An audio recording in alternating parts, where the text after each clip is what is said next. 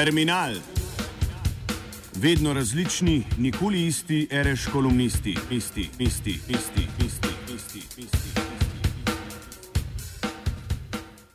Pred dnevi sem pa vprašal deset naključnih znancev, če vedo, da so cene goriv na črpalkah ob avtocestah više kot na ostalih lokacijah. Seveda tega ni nihče vedel. Najbrž tudi večina poslušalcev tega ne ve, da na avtocestah plača za tank benzina kak evro, torej dober odstotek več kot na črpalkah v mestih ali na vasi.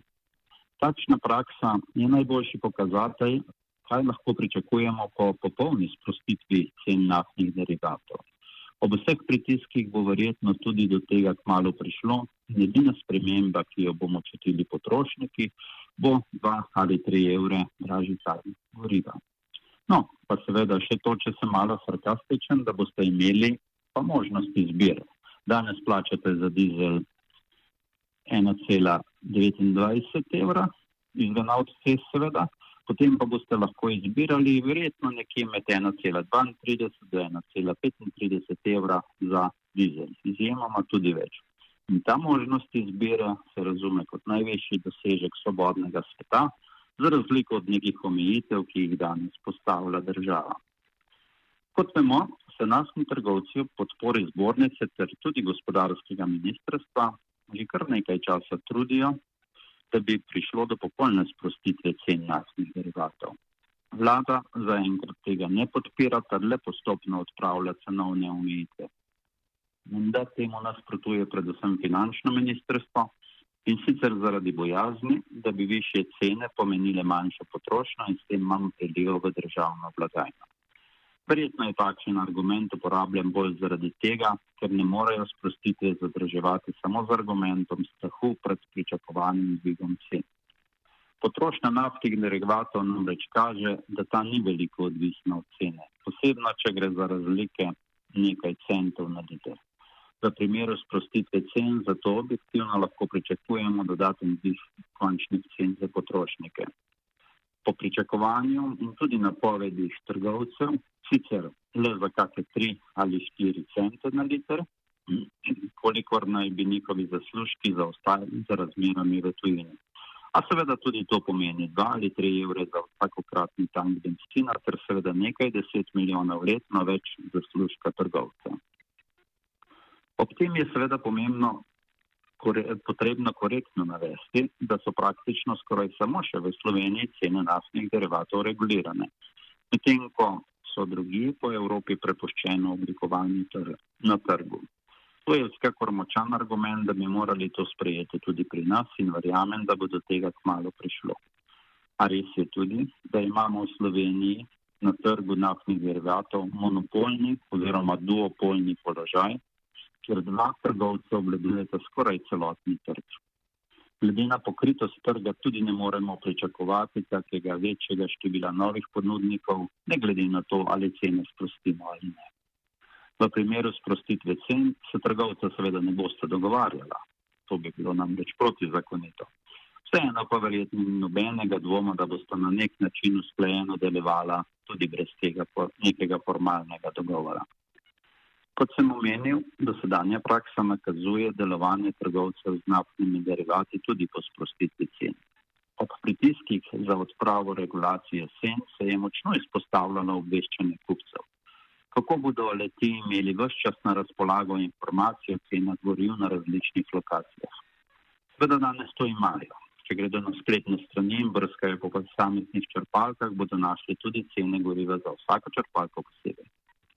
V praksi pa vemo, da tega ravno ne delamo za vsak cent in da so nam še vedno najbolj preročne table ob črpalkah.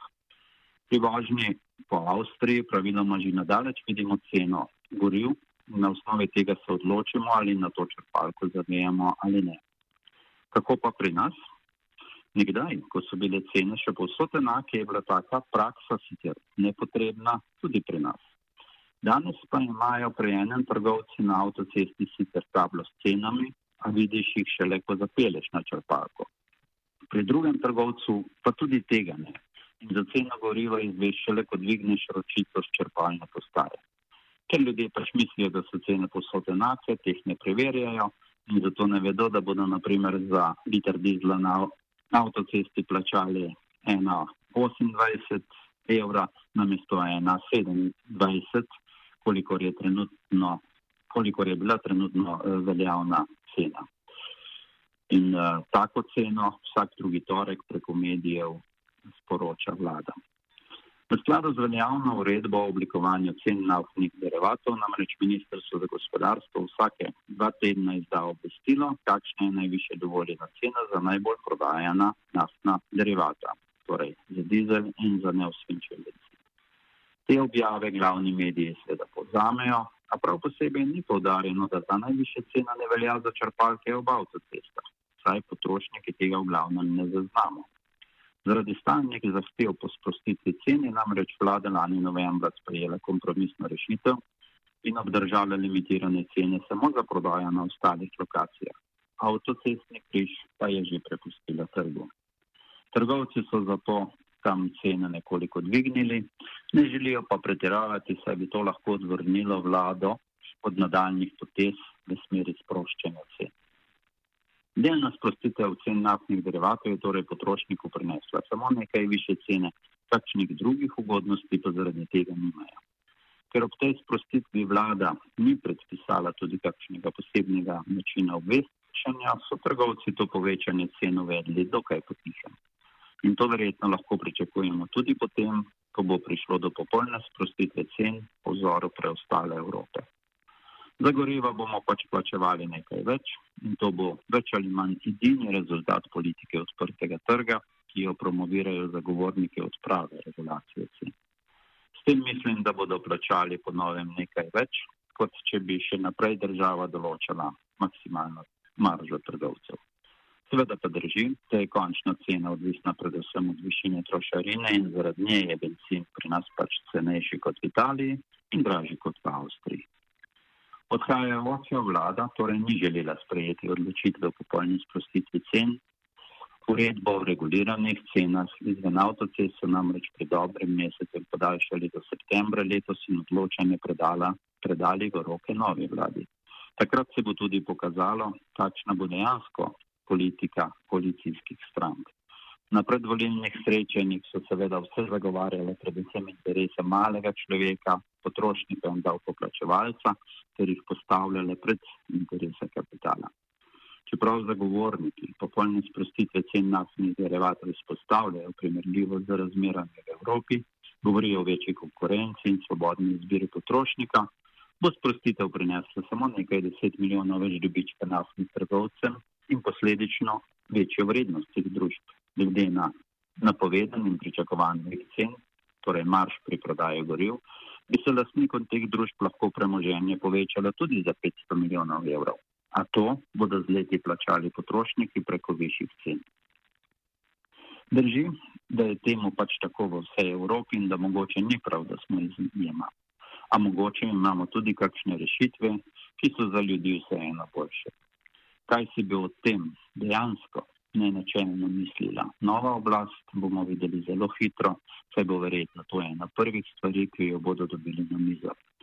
Kot zapisano se namreč veljavnost uredbe septembra izteče. Za terminal Bine Kordeže.